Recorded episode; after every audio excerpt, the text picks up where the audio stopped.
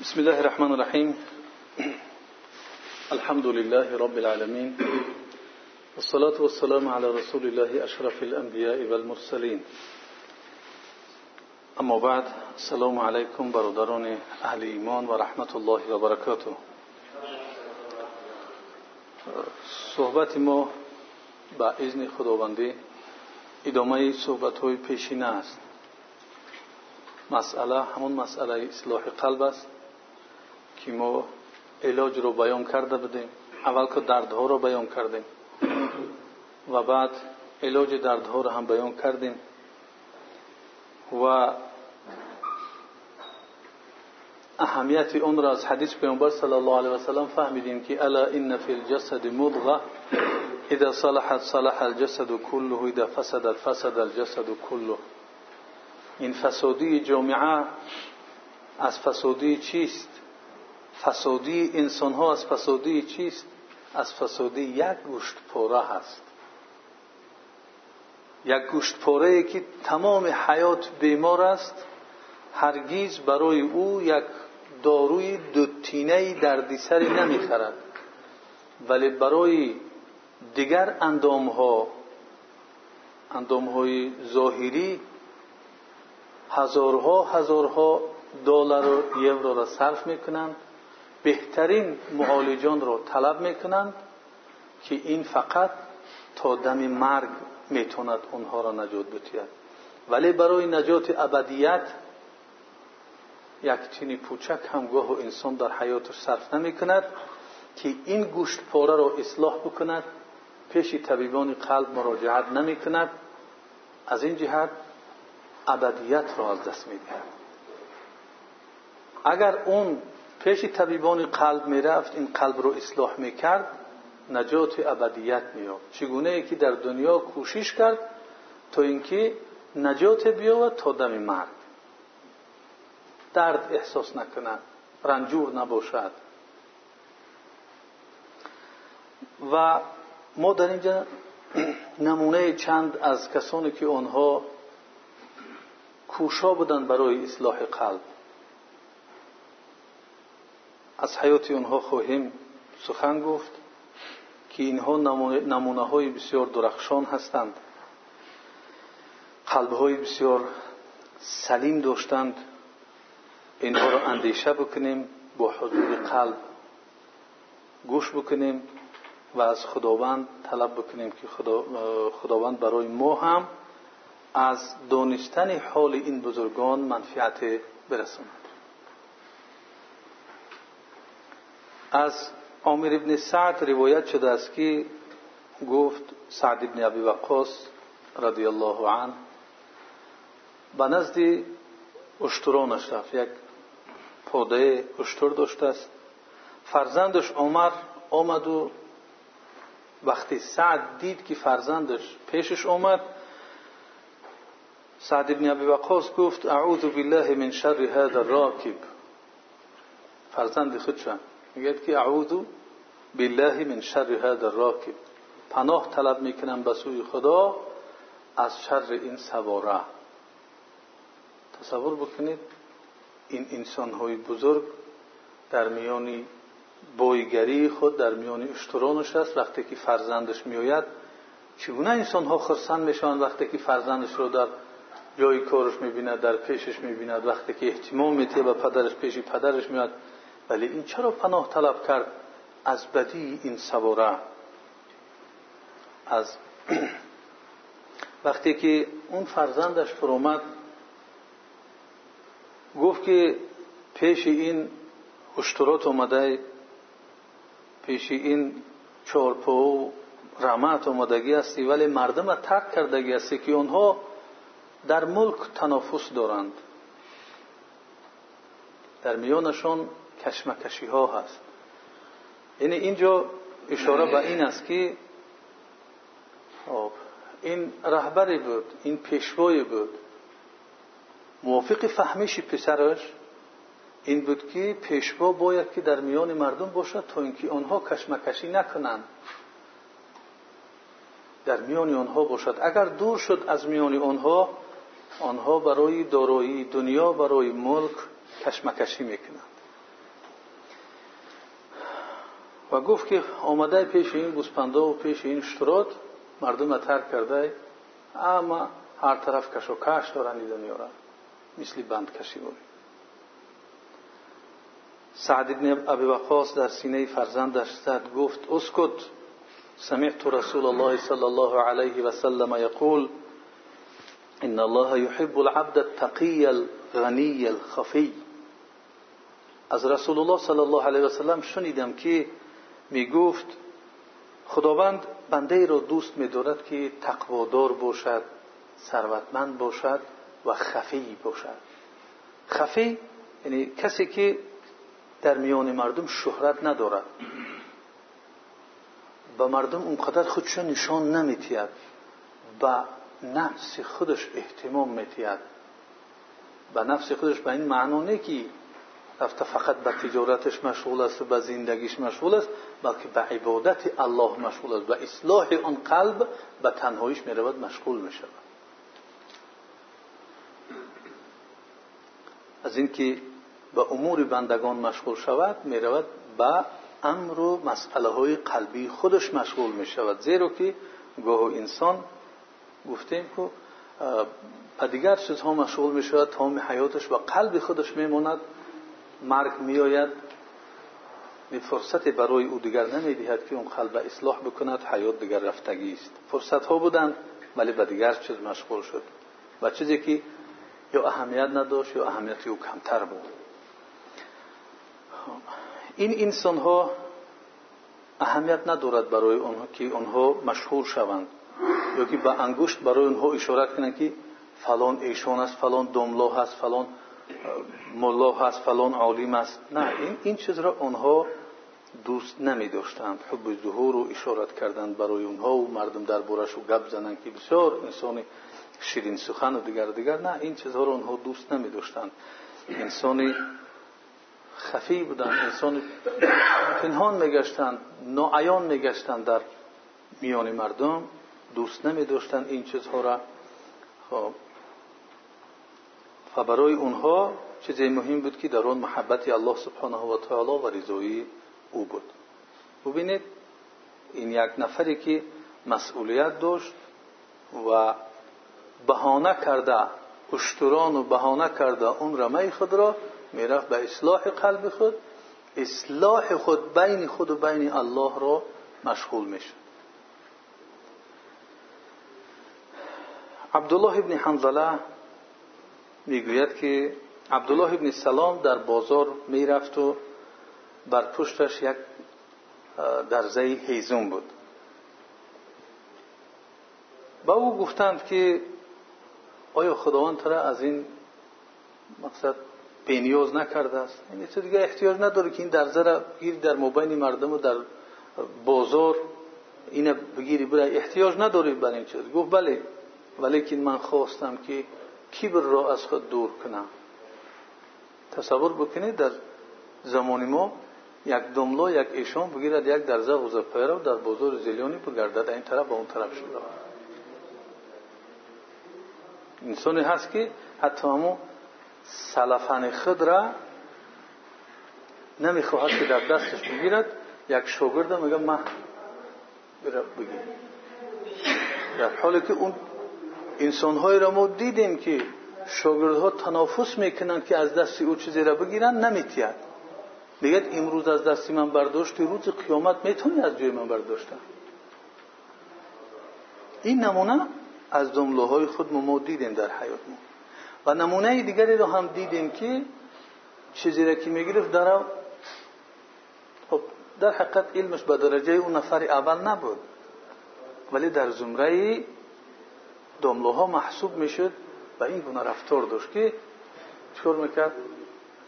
اون بزرگا را ببینید در زای هیزم در پشتش در بازار میگرد. یعنی در جای سیر آدم ترین مکان میگردد تا اینکه کیبر از خود دور کنه. بیماری را این معالجش با اسرائیل و با انگلیا و با امریکا و با اینجا نمیشه. ایلادش با این گونه و ها این گونه دواها رو میفرمند تا اینکه این دردها معالجه شود. این کی بود؟ یعنی درد سختی است که انسان در دنیا و آخرت حلاک می‌کنه. میگه رسول الله صلی الله علیه و سلم رو شنیدم که می‌گفت لا يدخل الجنة من كان في قلبه مثقال حبة من خردل من کبر. پیامبر علیه السلام گفت کسی که در قلبش مقدار یک دانه از خردل کیبر داشته باشد در جنت داخل نمیشه. مخصوصا این زمان زمانی که شیطان بسیار کارهای یعنی سر محصول برای خودش برده ایستاد است که در قلب انسان ها جا کرد این خصلت رو که هر کس می‌خواهد نسبت به دیگرها خود را نشان بدهد دو نفر یعنی با هم جنجال می‌خرند او رو در کوچه. یکش برآورده است یک علامت نشان میده که من فلانی. انسان همه انسان هستند. انسان ها پیامبر صلی الله علیه و میگه که مثل دندانه های شانه هستند یعنی برابر هستند سواسیتون.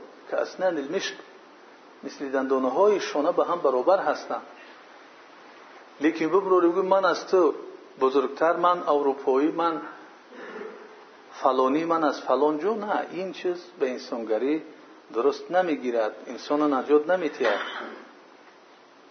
خب شاید مفید باشه در اینجا ذکر کنیم که پیامبر صلی الله علیه و کبر رو چگونه وصف کرد. پیامبر علیه السلام کبر رو اینگونه قاعده نهاد. الکبر بطر الحق و غمت الناس. بطر الحق و غمت الناس. بطر الحق چیست؟ حق را رد کردن حق را, حق را قبول نکردن. این یکی از بعدها و یکی از جانبهایی که انسانی که کیبر دارد این گونه وصف دارد. حق همه گوش قبولش نمی‌کند حدی که دونست که مثلا حق است قبولش نمی‌کند از سلمه ابن اکوع رضی الله عنه روایت شده است که مردی در نزد رسول صلی الله علیه وسلم تعام خورد به دست چپش. پیامبر علیه السلام گفت کل بیامینی به دست راستت بخور اون گفت که نمی‌تونم. پیامبر علیه السلام گفت که نتونم دیگر دستش به پیش دهنش برده نتونست. اون از کیبرا که من امر کرده استودای یا من گفته استودای در دلش چیزی بود و گپی پیامبر صلی الله علیه وسلم نگرفت. در حالی که وقتی به دستی چپ می‌خری شیطان قطید می‌خره این سنت و این روش انسان مسلمان انسانی که پیامبر صلی الله علیه و را دوست میدارد بر دین او هست این نیست که به دست چپش بخوره. مگر اینکه دست راستش یگان عذری داشته باشد. تنها به دست راستش می‌خوره. و متاسفانه در جامعه ما مخصوصا جامعه توجیک این چیز گاه رعایت نمی شود و در سطح دانشمندان. نمی‌دونم چی سبب است یا با اونها نرسیده است این مسئله چی؟ سبب است که گاه ها می‌بینی به دست چپ چای می نوشد به دست چپ تناول می‌کنه چیزی رو که خب دیگر اون انسان نمی‌شود در مابین مردم یعنی گفت زیرا که ممکن که با سبب فتنه بشود. ولی باید ما با هر واسطه با نیت آنه که به مشکلی به فتنه انداختن این مسئله را حل بکنیم و در جامعه این مسئله ها رو برداریم. از این که یک مسئله های اختلافی قطعی مشغول شیم و سر خود و سر دیگران را گرم کنیم. این نشان بتیم که فرزند پدر مادر کسی که نشنید این گپ رو که به دست راست باید انسان به دست راست بخورد و این چنین مسئله کبر که این نفر به دست چپش خورد پیامبر صلی الله و گفت به دست راست خورد گفت نمی‌تونم. یعنی میتونیست ولی نکرد. پیامبر علیه السلام گفت نتونی. خب دیگر نتونست. که به دهنش بردارد این را تنها همون کیبر بود که من کرد برای گپی رسول صلی الله علیه و سلم گرفتن. غم تو ناس است؟ تحقیر کردن اونها یعنی پس شماریدن اونها وقتی که انسان دیگرها را پست میشمارد در او عجب پیدا می‌شود. این یکی از زینه های کبر است. کبر این عجب اظهار نمی کند ولی خودشو برتر می‌دوند از دیگرها. این هم یک بیماری هست. این هم حلاکت کننده است برای انسان. از بزرگترین حلاکت کننده های انسان است. ابن عباس رضی الله عنه روایت می‌کنه که رضی الله عنه که پیامبر صلی الله علیه و گفت المهلكات ثلاث اعجاب المرء بنفسه و شح مطاع و هوا متبع. پیامبر علیه السلام این گونه بیان کردن در چیزهایی که انسان هلاک می‌کنند انسان ها امروز فکر می‌کنند که فلان ویروس و یکی بیمار شد و یکی در جوانیش گذشت و بعضی انسان ها را این چیز اهمیت میتید و سوال می‌کنن که آیا این از تقدیر باشد و آیا این چخیل می‌شود و خب یعنی این چیز را عیب می‌دونن یا کمبودی می‌دونن. در حالی که در اون کمبودی نیست در اون اختیار انسان نیست. وقتی بیمار می‌شود وقتی یک مصیبت سرش میاد به اختیار خب اون دیگر تقدیر الهی هست. انسان زن خلق کردن مرد خلق کردن قد بلند و قد پس بیمارش کردن صحت نگه داشتن فربه و خل... اینو همه چیزهایی هستن که چی است به انسان علاقه ندارد. خب گرچنده که مسئله فربهی را این دیگر چیز است اگر انسان اهمیت بده ولی مسئله های دیگری که در انسان یعنی قدرت نیست که اونها را تغییر بتید نمی‌توند انسان خب جاهایی که اجازت دادن مرد و زن و دیگر و دیگر اونها خودشون جنسشون تغییر دادن نمی‌تونن به حقیقت. پس پیامبر صلی الله علیه و گفت که آن چیزهای هلاکت کننده هستن اینها چیزی مهم هستند چی است؟ اعجاب المرء به نفسه خود پسندی خود رو میپسندد خود رو بسیار بزرگ می‌داند. خود رو بسیار از دیگر خوب می‌داند. خود رو بسیار از دیگر پاک می‌داند. یعنی در حالی که همه الحمدلله برادری تو هستن برابری تو هستن. چه خود از دیگر رو بالا می‌دونیم. یعنی اعجاب داره. خود را میپسندد نسبت به دیگران پسندیدنش به خودش هست. و شح مطاع. بخیلی دارد که اون بخیلی اطاعت شونده است. بخیلی هست که دیگر نمیگذارش که زکات بتید حق خدا حق مردم دیگر نمیتید به سبب اون بخیلی. این هم یکی از چی است؟ حلاکت کننده ها هست. مهلکات است و دیگرش هون متبع. خواهشات پیروی شونده. می‌خواهد که دزدی کند می‌رود دزدی مینه. می‌خواهد که پاره بگیرد میرد پاره می‌گیرد. این کسایی که مثلا پاره می‌گیرن این کسایی که حقی مردم در بزرگ و در زفرف کو می‌زنن این هون متبع هست. اما هوا خواهش اونها رو میگد که این کار بکن. از ده تن بنزین یک تنش اکنام کن. هواش همین میگن در حالی که او حق مردم است. خیلی حق مردم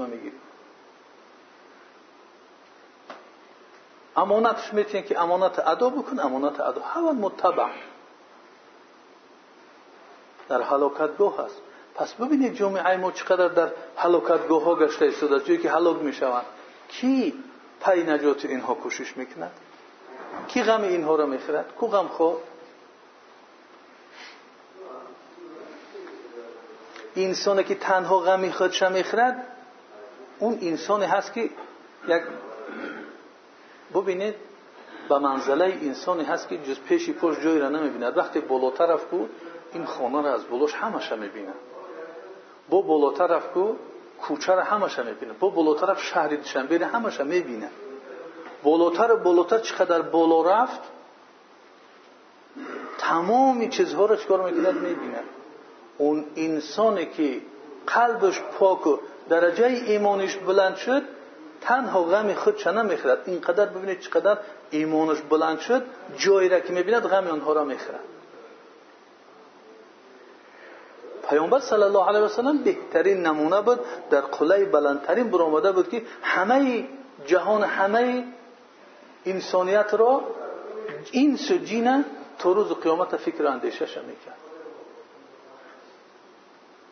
و روز قیامت برای یک انسان عرقخور برای یک انسانی که پیامبر علیه السلام گپش نگرفت زنا کرد دزدی کرد غیبت کرد چی گناه ها و چی گناه ها رو نکرد در پیش خداوند سرش میمونه و دعا می‌کنه پروردگار رو طلب می‌کنه که شفاعت کنه میره ببخش. پس تصور بکنیم که این گونه اخلاق در ما هست این گونه رفتار در ما هست وقتی که نیست قلب های ما بیمار. او کسی که نباشد در کدوم سین سال عمری نباشد در کدوم سطح علمی نباشد فرق نداره. بیمار است. وقتی جز غمی خود غمی دیگر نداره. پیامبر صلی الله علیه و برای غمی مردم خوب نمی‌کرد. برای غم امت خوب نمی‌کرد. این گونه از چیزهای هلاکت کننده که انسان وقتی خودپسندی می‌کند اعجاب دارد به نفسش. خودش رو نسبت به دیگران برتر می‌دوند بخیلی دارد که سبب می‌شود که اون اطاعت می‌کند بخلشه بخیلیشه و حق خدا و حق مردم ادا نمی‌کند و این چنین هوا و هوس و خواهشاتی که اون هم پیروی می‌شود. الله یک چیز میگد خواهشاتش یک چیز دیگر میگد گپ الله هم میموند خواهشات خودش انجام میده از عدی ابن ارتاد روایت شده است که مردی از اصحاب رسول الله صلی الله علیه وسلم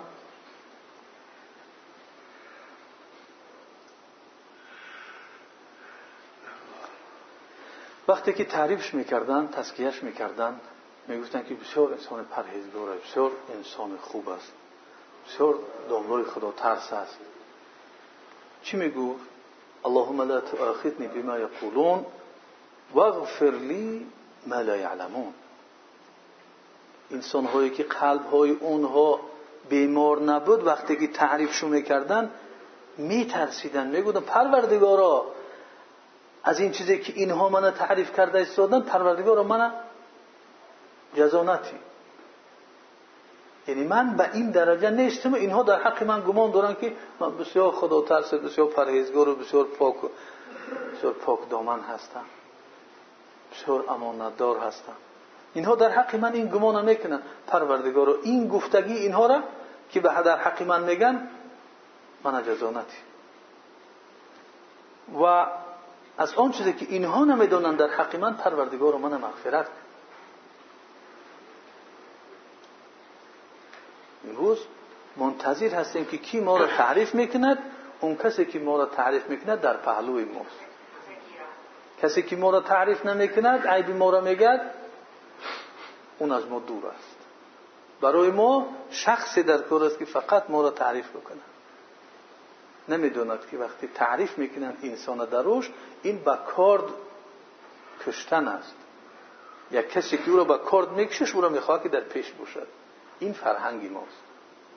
یک کسی که او را از حلاکتگاه ها دستش می‌گیرد دورش می‌کند برای او در کار نیست یاد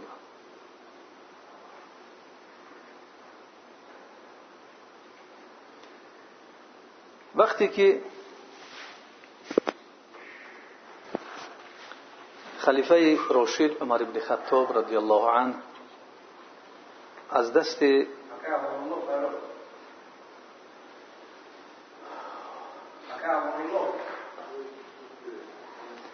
وقتی که عمر ابن خطاب خلیفه راشد رضی الله عنه از دست اون خوین به قتل رسونده شد یک جوان آمد و پیش حضرت عمر رضی الله عنه و گفت که ابشر یا امیر المؤمنین ببشر الله لك یعنی خبر خوش بیا ای امیر المؤمنین.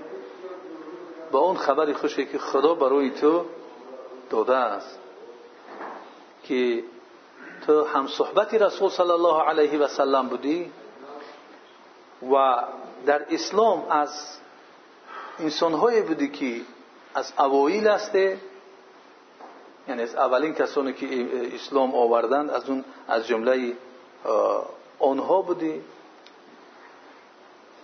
و خودت می‌دونی که در اسلام چی کارها کردی.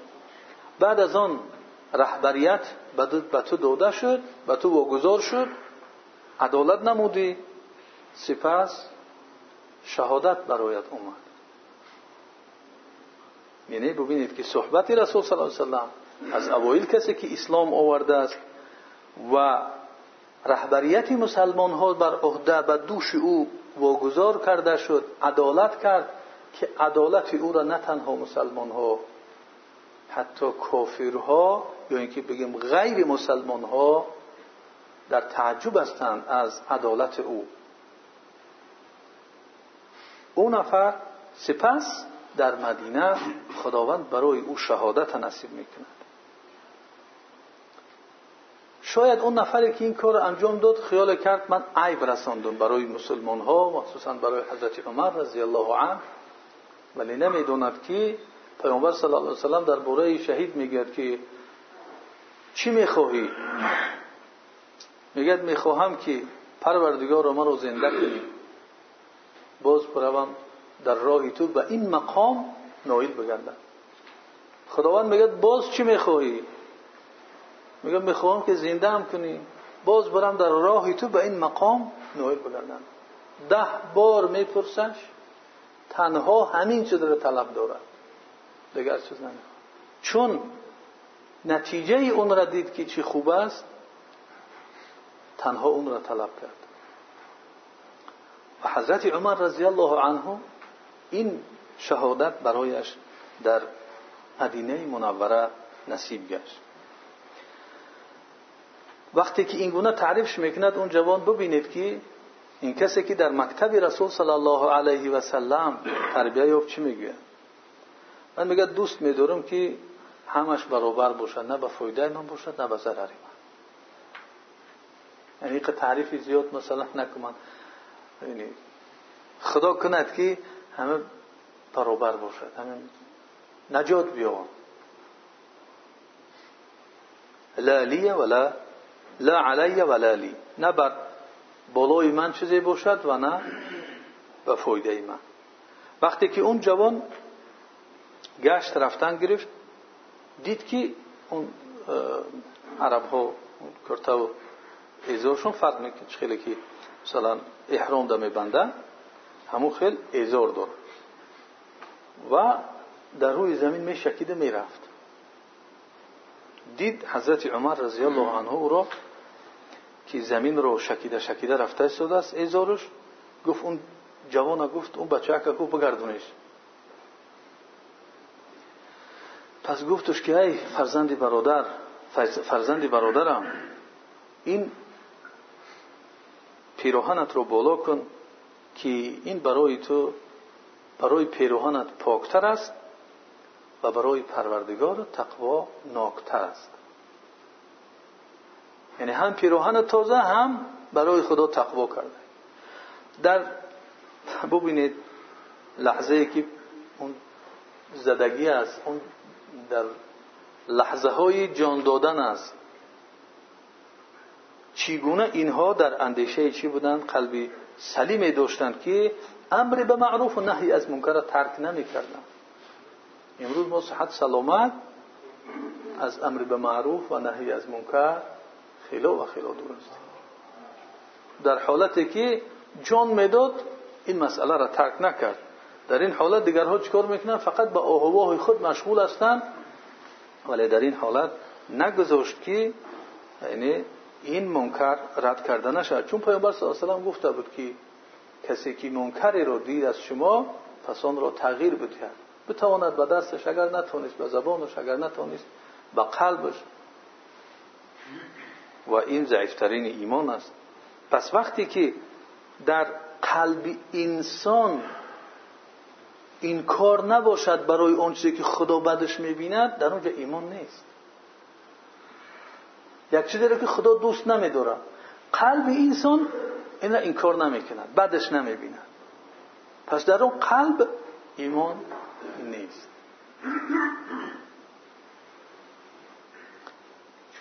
از عطا ابن رباح روایت شده است که گفت ابن عباس اون چون از شاگردهای عبدالله ابن عباس بود گفت ابن عباس رضی الله عنهما گفتن که آیا من برای تو یک زنی را نشان ندهم که از اهل جنت است؟ تصور بکنید. امروز مردم در چی اندیشه هستند که من چی پیشرفتی ها و چی چیزهای تکنیکی و دیگر و دیگر پرگریز ها رو به هم دیگر نشان میتن هیدگیری می‌کنن؟ این گفت من نشان بدیم یک زنه که اهل جنت است. پس گفت که بله. گفت خب این زنی که یعنی رنگی سیاه هست به نزد پیامبر صلی الله علیه و سلم آمد و گفت که من یعنی ترسم می‌گیرد حالت میشن که بیهوش میشن. خیلی کسلی های سرع هستن که همون سرع من می‌گیرد و میافتم. و وقتی که میافتم سطرم کشف می‌شود. دیار میادم جایی که باید سطر شوند پس برای خدا برای من از خدا دعا کن که من خداوند شفا بتویا و من یعنی کشف نشم. پیامبر علیه السلام برای او چی گفت؟ این شئت صبرت ولک الجنه و این شئت دعوت الله ان یعافیه. اگر بخواهی صبر کن و برای تو جنت است و اگر بخواهی برای تو دعا, دعا که الله سبحانه و تعالی شفایت. امروز مثل این کسل ها در جامعه ما هم مثلا بسیار است. و این را بسیار مردم عیب می‌دونند یا شر می‌دونند از این چیز. ما گفتیم که بعضی چیزهایی که در اختیار انسان نیست. این جای شرم نیست. جای شرم آن است که انسان قلبش بیمار است. انسان به خدا علاقه نداره. عمرش میگذرد نمی‌دونه که با خدا چه خیلی مناسبت بکنه. در فکر آن است که یکی یک کس نبینه که من ترس می‌گیرد من بهوش میشم. این جای عیبش نیست. روز قیامت همه می‌بینن که ایمان نداشت یا اینکه در ایمانش ضعف بود یا اینکه بر ضد ایمان درو کار کرد. همه می‌بینن. این از جای عیب. ولی این بیماری ها اینها جای عیب نیستن. گفت ببینید پیامبر صلی الله علیه گفت اگر بخواهی صبر کن و برای تو جنت است. اگر بخواهی خدا را دعا می‌کنم خداوند شفات میتیه پس یقین بود که اگر پیامبر صلی الله علیه دعا می‌کرد او را دیگه او کسل نمی‌گیره ولی این زن چی گفت؟ من گفت صبر می‌کنم و گفت که من همون سطرم کشوده می‌شود از خدا دعا بکن که همین چیز کشوده نشود سطر من. من به این کسل دیگر خلاص. صبر می‌کنم. من جنت برای من مهمتر است.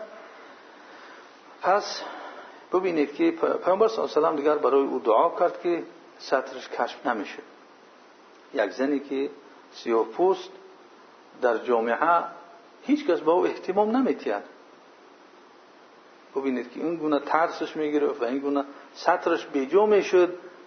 پس وقتی پیامبر صلی الله علیه و با او پیامبر صلی الله علیه و طلب کرد که دعا بکند برای او این گونه توجیهات داد و این گونه پیشنهادها کرد. و اون صبر را اختیار کرد از در این کسل بودنش ولیکن گفت که من مثلا صبر می‌کنم. نیتش این است من صبر می‌کنم برای این کسل ولی می‌خواهم که از اهل جنت باشم. ولیکن صبر نمی‌کنم یا طاقت ندارم که عورت من کشف شود. بر این کسل به این بیماری صبر کرده می‌تونم ولیکن بر اینکه عورت من کشوده شود این را من صبر کرده نمی‌تونم این یک زنی از جامعه بود که در اون حتی با اون احتمام هم شاید نمی‌دادن لیکن با وجودی که پوست او سیاه بود قلب او سفید قلب او بیمار نبود و ولیکن امروز می‌بینیم که انسان هایی هستند که قلب های آنها سیاه هستند با وجود اینکه اگر پوست آنها هم سیاه نباشد. این زن برای زنهای همه دور زمان مخصوصا زمان ما در پاک دامنی و در علاقمندیش با خدا و در طلب جنتش باید که یک نمونه باشد که اینها عبرت بگیرند. محمد ابن حنفیه. و پدرش علی بن ابی طالب می‌گوید که بعد رسول الله صلی الله علیه وسلم کدام انسان بهتر است؟ حضرت علی کرم الله وجهه می‌گوید که ابو بکر. می‌گوید که بعد کی؟ میگه بعد عمر. این محمد ابن حنفی میگه ترسیدیم که اگر اون بعد کی؟ میگه عثمان. گفتم بعد تو پیش اینکه او سوالش بود خودش جواب گفت؟ بعد گفت تو یعنی بهتر هستی؟ گفت که ما انا الا رجل من المسلمین. من یک مردی از مسلمان هاست. علی ابن ابی طالب پسر عمک رسول الله صلی الله علیه وسلم یعنی خیشتبوری رهبری بشریت پیشوای پیامبران ببینید خود رو چه خیل من یکی از مسلمان ها هستم این است اصحاب قلب سلیم. این است حال اونها. این است مکتب پیامبر صلی الله علیه وسلم. اونی نیست که فقط بحث مناظره ها قطعی مردم اینهایی که پیامبر صلی الله علیه وسلم و اصحاب و شاگردانی او بودن این گونه گپ ها و این گونه زندگی داشتن نه بر بحث هایی که دنیا و آخرت انسان خراب می‌کند سیاه می‌کند مشغول بودن. دیده در اینجا یگان گپه که امروز بحث و مناظره ها و سوال و جواب هایی که در جامعه ما هست این سوال ها در حیات شو هست؟ 24 ساعت بخواهی اگر صحبت می‌کنن بحث می‌کنن مناظره می‌کنن ولی یگان چیزی که در این حیات این بزرگان است نیست. پیامبر صلی الله علیه و تمام حیاتش به چی مشغول بود؟ به یگان شخص مشغول بود؟ پیامبر صلی الله علیه و سلم تمام حیاتش به قرآن مشغول بود. با این دلیل به این رهنمای بشریت مشغول بود تو اینکه برای بشر این را بفهماند اینها را علاج بکند و اینها نجات بیاوند در فکر این نبود که فلانی را تعریف بکند و فلانی را تعریف بکند و فلانی را تنقید بکند. اصحابی این از مکتب اسلامی نیست این از پیروی پیامبر صلی الله علیه و این نیست.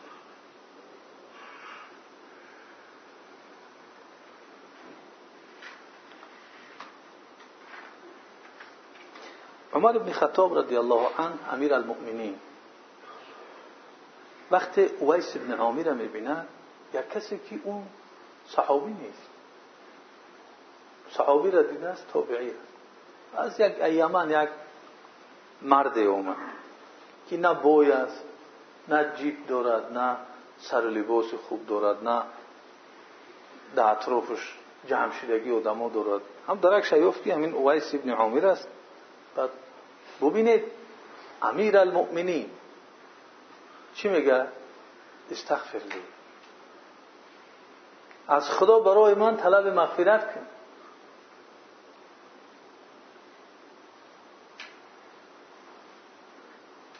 در حقیقت کسی که حضرت عمر رضی الله عنه رو به کجی نام می‌گیرد قلب و وجودش کج است؟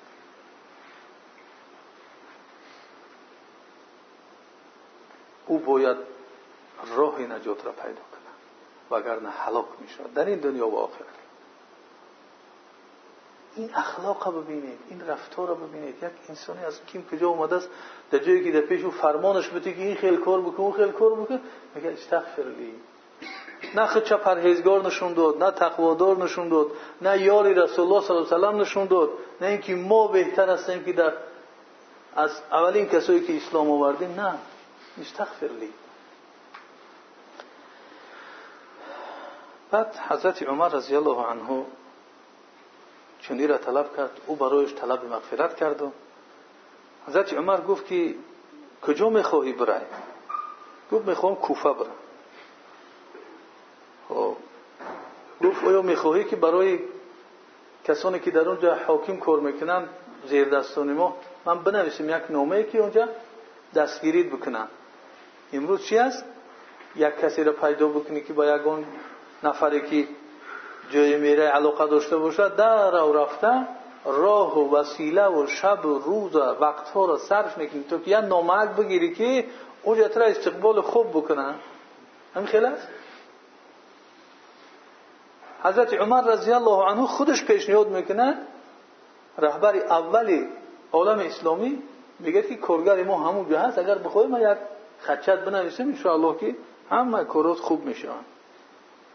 این مرد چی میگه؟ اکون فی غبراء الناس احب الی یعنی در میان مردمی ضعیف و ناتوان و فقیر و گمنام باشم برای من بهتر است. از اینه که در اون ویله ها و در اون جای های استراحتگاه ها و آن چیزی که می‌خوای باشم اینا هستن دارای قلبی سلیم. اینها در زندگی قفا نموندن. ما هستیم قفا موندگی هستیم. خیلی می‌کنیم که اگر ما مثل اینها باشیم از اینها پیروی بکنیم در زندگی قفا میمونیم. نه. ما قفا موندگی هستیم. ما باید پیام باشیم که دریابیم. پیش از اینکه ملک الموت بیاید و دیگر برای ما فرصت نمیتید نیم سال و یک سال دیگر که من خدمت اصلاح می‌کنم. و در برجعون هم دیگر فایدت نمی‌کنم. پروردگار رو بر بگردون این هم فایده نمی‌کنه این انسان ها می‌خواهند که گمنام باشن نمی‌خواهند که شهرت پیدا بکنن. حمزه ابن دهقان می‌گوید که به بشیر ابن حارس گفتم که می‌خواهم که در خلوت با تو تنها بشینم. یک انسان پرهیزگار یک انسان خدا ترس که معلوم بود خدا ترسیش گفت که من بشینم با او. طلب کرد از اون که در تنهایی بشینیم یک به یک. یکان نصیحت این بکنن یکان استفاده بکنن این آخرون قصه است که با هم می‌کنیم. سال 227 هجری. او می‌خواهم با تو تنها بشینم. خب، بعد گفت اگر بخواهی یک روز انشاءالله که با هم میشینیم. پس میگه دیدم که یک روز در یک قبه در آمد جای همون نمازخانه در آمد. و در اونجا میگه چهار رکعت نماز خوند که اینقدر زیبا خوند که من مثل اون خونده نمی‌تونم چهار رکعت نماز. زندگیش تعریف نداره. چی داشت چی نداشت. نمازش تعریف داره. نماز را که بگیم همه چی میگن کو؟ ردی گلچ کرد خواندی خواند چی خیل خواندی برای اونها مهم بود؟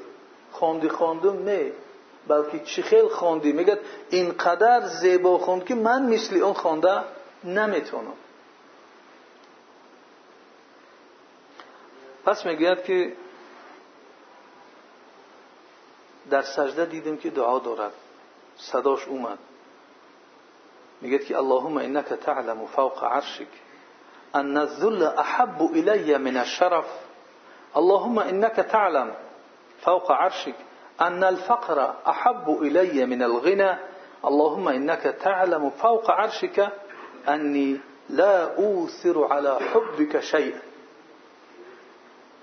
ای بار خدایا تو در بالای عرشت میدانی که خاری برای من از شرف محبوب تر است. از اون شرف و شهرت از اون دیده همین خاریه که در پیش تو هستم و خاریه که دور این برای من محبوب تر است. ولی حیات انسان امروز صرف می شود برای از خاری برومدن از اون خاری که میگه برای من محبوب تر است. حیات چه صرف می‌کند پلان می‌کشد تا اینکه از این خوری که برای او محبوب ببراید و در آن چیزی که برای او محبوب نبود شرف خود را در شرف بزن. ای بار خدایا تو از فوق عرشت میدانی که فقر برای من از ثروتمندی محبوب تر است.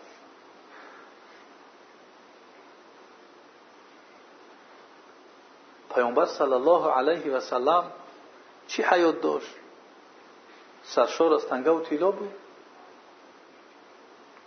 بعدی او تنگه و تیلا کشاده نشد پس اینها در حیات به اندازه وسیله اهمیت دارند نه به منزله چی؟ به اندازه هدف. ای باری خدایا تو از بالای عرشت می‌دونی که فقر برای من از ثروتمندی بهتر است.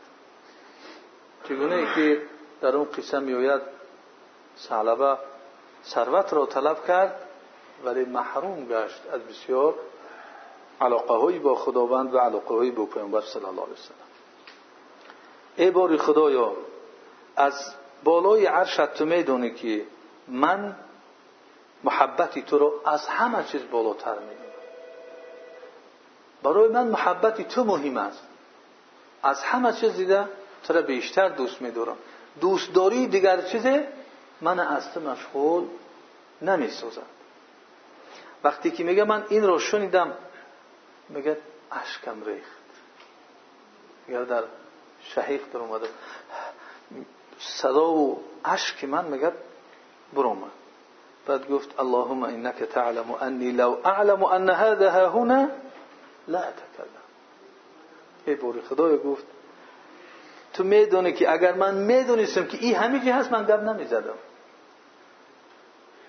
ببینید اون دعا را کرد وقتی فهمید که کسی او را گوش دارد گفت ای بار خدا اگر می‌دونستم که همه جای من گپ نمی‌زدم من اینو را نمی‌گفتم. که اون بوش نماده پگاه من تعریف کنه در همه جا.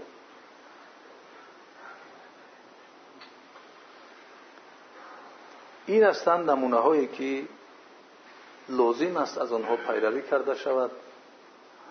لازم است ما خودمون با آنها برسانیم. وگرنه از این حیات چیزی نبردیم جز چند سامان و دلاری که اون را میمونی میره. جز یک خانه خیشتی لایی پخته که اون را میمونی میره. زن و فرزندی که اونها میمونن میره. همه اینها میمونن می‌روند. آن چیزی که با خود می‌بره آن چیزی که نام ما را باقی اگر ما نه برای چی؟ ببینید باقی گذاشت. اینها نمی‌خواستند ولی اویس ابن عامر آیا اون شهرت می‌خواست. اویس قرنی که میگن ولی ببینید که تا امروز همه مسلمان ها او را می‌دونند و دوستش می‌دونند خداوند همه ما و شما را موفق و معید بگرداند که از جمله کسانی باشیم که به قلب خود احتمام میتیند حیات خود را به چیزی که به منفعت صرف نمی‌کنند. چیزی که برای دنیا و آخرت چه فایده دارد چیزی که الله سبحانه و تعالی دوست می‌دارد با اون مشغول می‌شوند. پروردگار محبت خودت رو در قلب ما جا بکن. پروردگار محبت رسولت رو در قلب ما جا بکن. پروردگار محبت مسلمانان رو در قلب ما جا بکن. صلی اللهم تعالی علی خیر خلق محمد و علی آله و صحبه برحمتك یا